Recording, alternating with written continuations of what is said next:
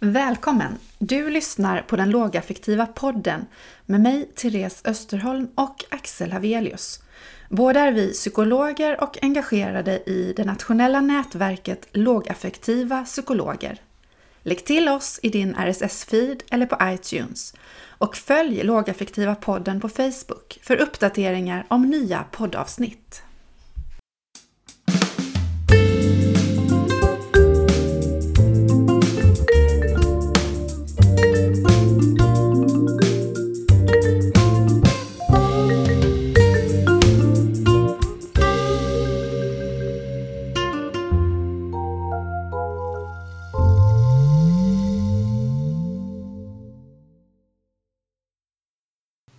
Välkommen till den lågaffektiva introduktionspodden där vi kommer att dela med oss av vad vi har fastnat för personligen i förhållningssättet. Och vi, då är det jag, Therese Österholm, som är legitimerad psykolog och som eh, handleder och utbildar i eh, lågaffektivt bemötande vid problemskapande beteende. Både i eget företag eh, och som psykolog i skola och förskola. Ungefär hälften av min tid ägnas åt detta och den andra halvan ägnas åt psykologutredningar. Och vem är du? Jag heter Axel Avelius. Eh, jag är psykolog.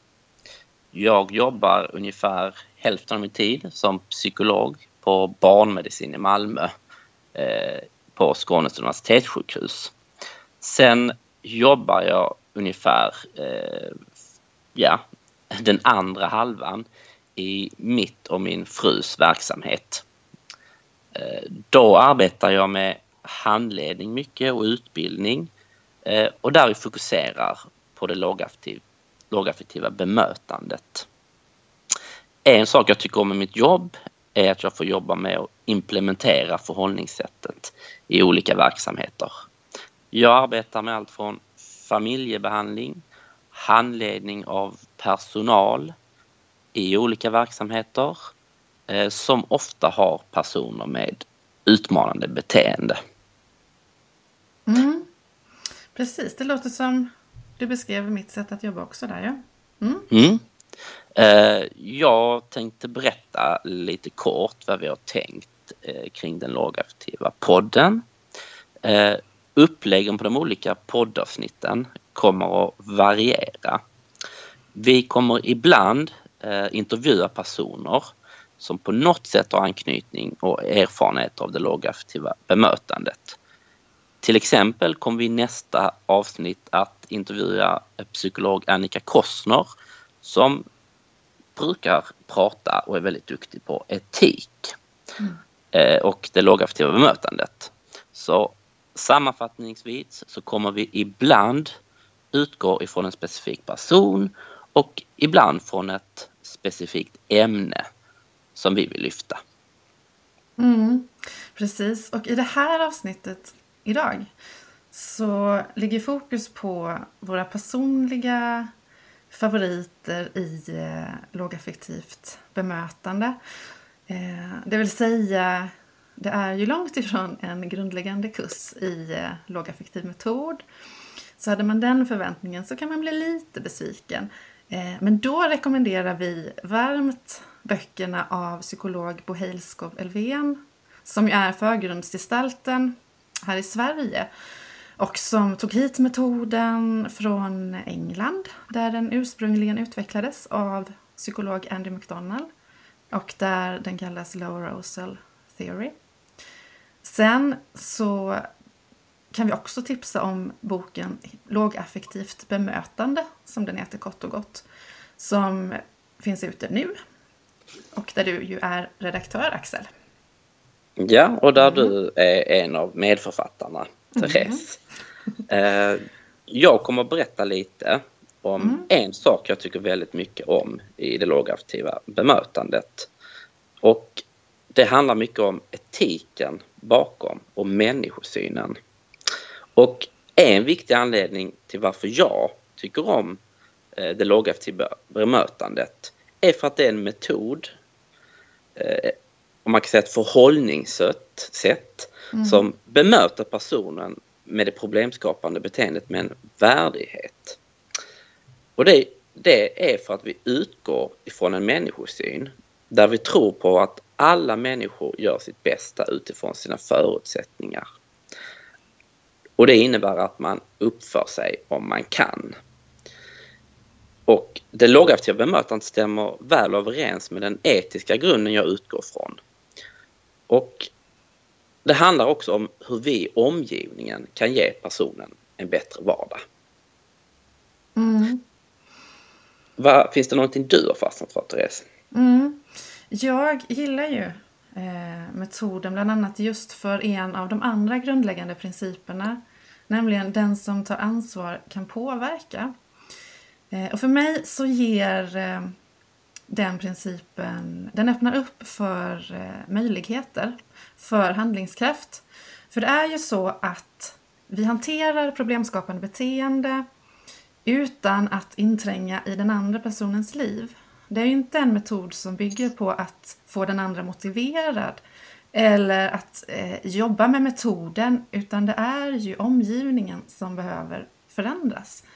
Jag kan ändra mitt beteende och jag kan förändra en hel del av de omgivande faktorerna och på så sätt lösa problemet så att det inte blir något för problem för någon part utan att vi har en lösning och kommer vidare. Det gillar jag. Jag gillar också just precis som du nämnde hur, det, hur vi lägger ansvaret på omgivningen. Så att vi kan bättre förstå eh, personen samt hantera det. Och jag tycker det är ett bra sätt att förklara vårt beteende och ett verktyg också för att lära oss att förbättra vårt bemötande. Eh, vissa specifika saker eh, som vi brukar arbeta med, eller alltid kan man säga, i det lågaffektiva bemötandet är exempelvis händelseanalyser för hur vi ska förstå och efter vi förstått så skapar vi konkreta handlingsplaner för hur vi i omgivningen ska agera nästa gång det problemskapande beteendet kommer tillbaka. Och som du nämnde så ligger fokus på hur vi i omgivningen ska anpassa oss. Men det mm. innebär ju inte att det är en låt gå-metod eh, som en del personer verkar ha missuppfattat. Mm. Eh, det är inte att vi i omgivningen alltid ska backa och inte ställa krav. För mig är det självklart att vi ska ställa krav. Men det är viktigt hur vi ställer kraven. Mm. Och jag tänker den andra delen som jag gillar med lågaffektivt bemötande tangera det som du pratar om. För du berättar om hur vi behöver bli bra på att hantera ett problemskapande beteende och också på att förebygga så att det inte uppstår. Eh, och då tänker jag att eh, vi också faktiskt, och det här gillar jag, eh, arbetar främjande. Så jag tänker alla tre delarna med vi hanterar, vi förebygger men faktiskt så genom vårt bemötande och vårt förhållningssätt och genom den människosyn och etik som bemötandet bottnar i så främjar vi trygghet och lugn, positiva känslor och goda relationer. Eh, att vi får med de viktiga bitarna i eh, metoden, de som faktiskt egentligen är själva grunden som metoden sen är uppbyggd ifrån, tycker jag är fantastiskt bra. Och det är ungefär vad vi har att säga idag. Mm. Uh, här avslutar vi lite vår introduktionspodd mm. och nästa avsnitt så kommer vi prata med psykolog Annika Kostner där vi kommer dyka ner lite i etik. Så att tack så mycket för att ni lyssnade idag. Mm. Och så hoppas jag att ni återkommer och gör det igen. Hej!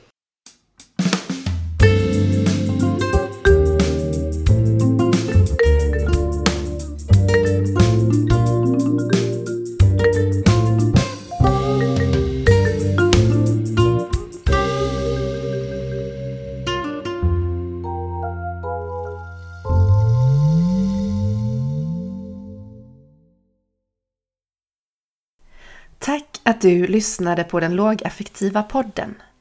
Den snygga jingeln i början och i slutet kommer från Emil Vilbas. Välkommen åter